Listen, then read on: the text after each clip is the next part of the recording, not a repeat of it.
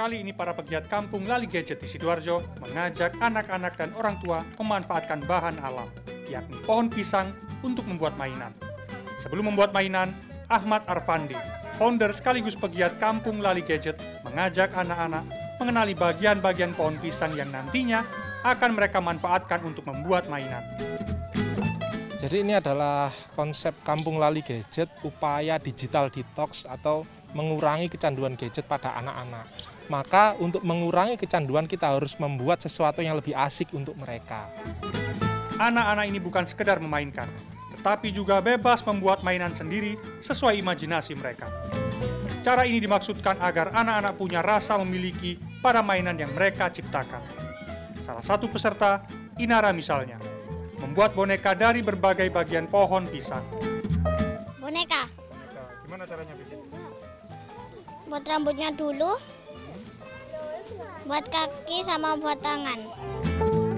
Berbagai mainan bisa diciptakan dari pohon pisang. Misalnya ada timbangan khas di pasar, kuda lumping, senapan, dan berbagai macam mainan lainnya. Nah, Irfandi memberikan contoh bagaimana membuat truk berbekal batang daun dan jantung pohon pisang. Mula-mula, potong batang daun pisang jadi tiga bagian. Untuk badan, kepala, dan bak truk. Satukan bagian-bagian itu di posisinya dengan lidi atau tusuk sate. Untuk roda, Arfandi memanfaatkan jantung pisang yang bentuknya bulat. Potong dan satukan dengan menggunakan lidi. Truk mainan pun siap dimainkan.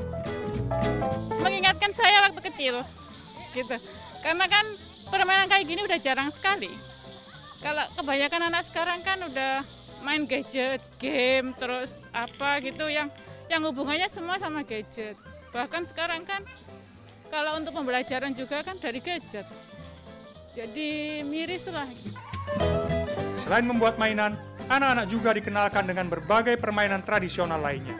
Ada egrang, bakya, dan klompen tali. Bahan-bahan mainan ini seperti pohon bambu dan pisang mudah didapatkan di sanggar Kampung Lali Gadget di Desa Pager Ngumbung, Wonoayu, Kabupaten Sidoarjo. Tafarid, Didin Iswandani, Silvio Argio, ciao a tutti.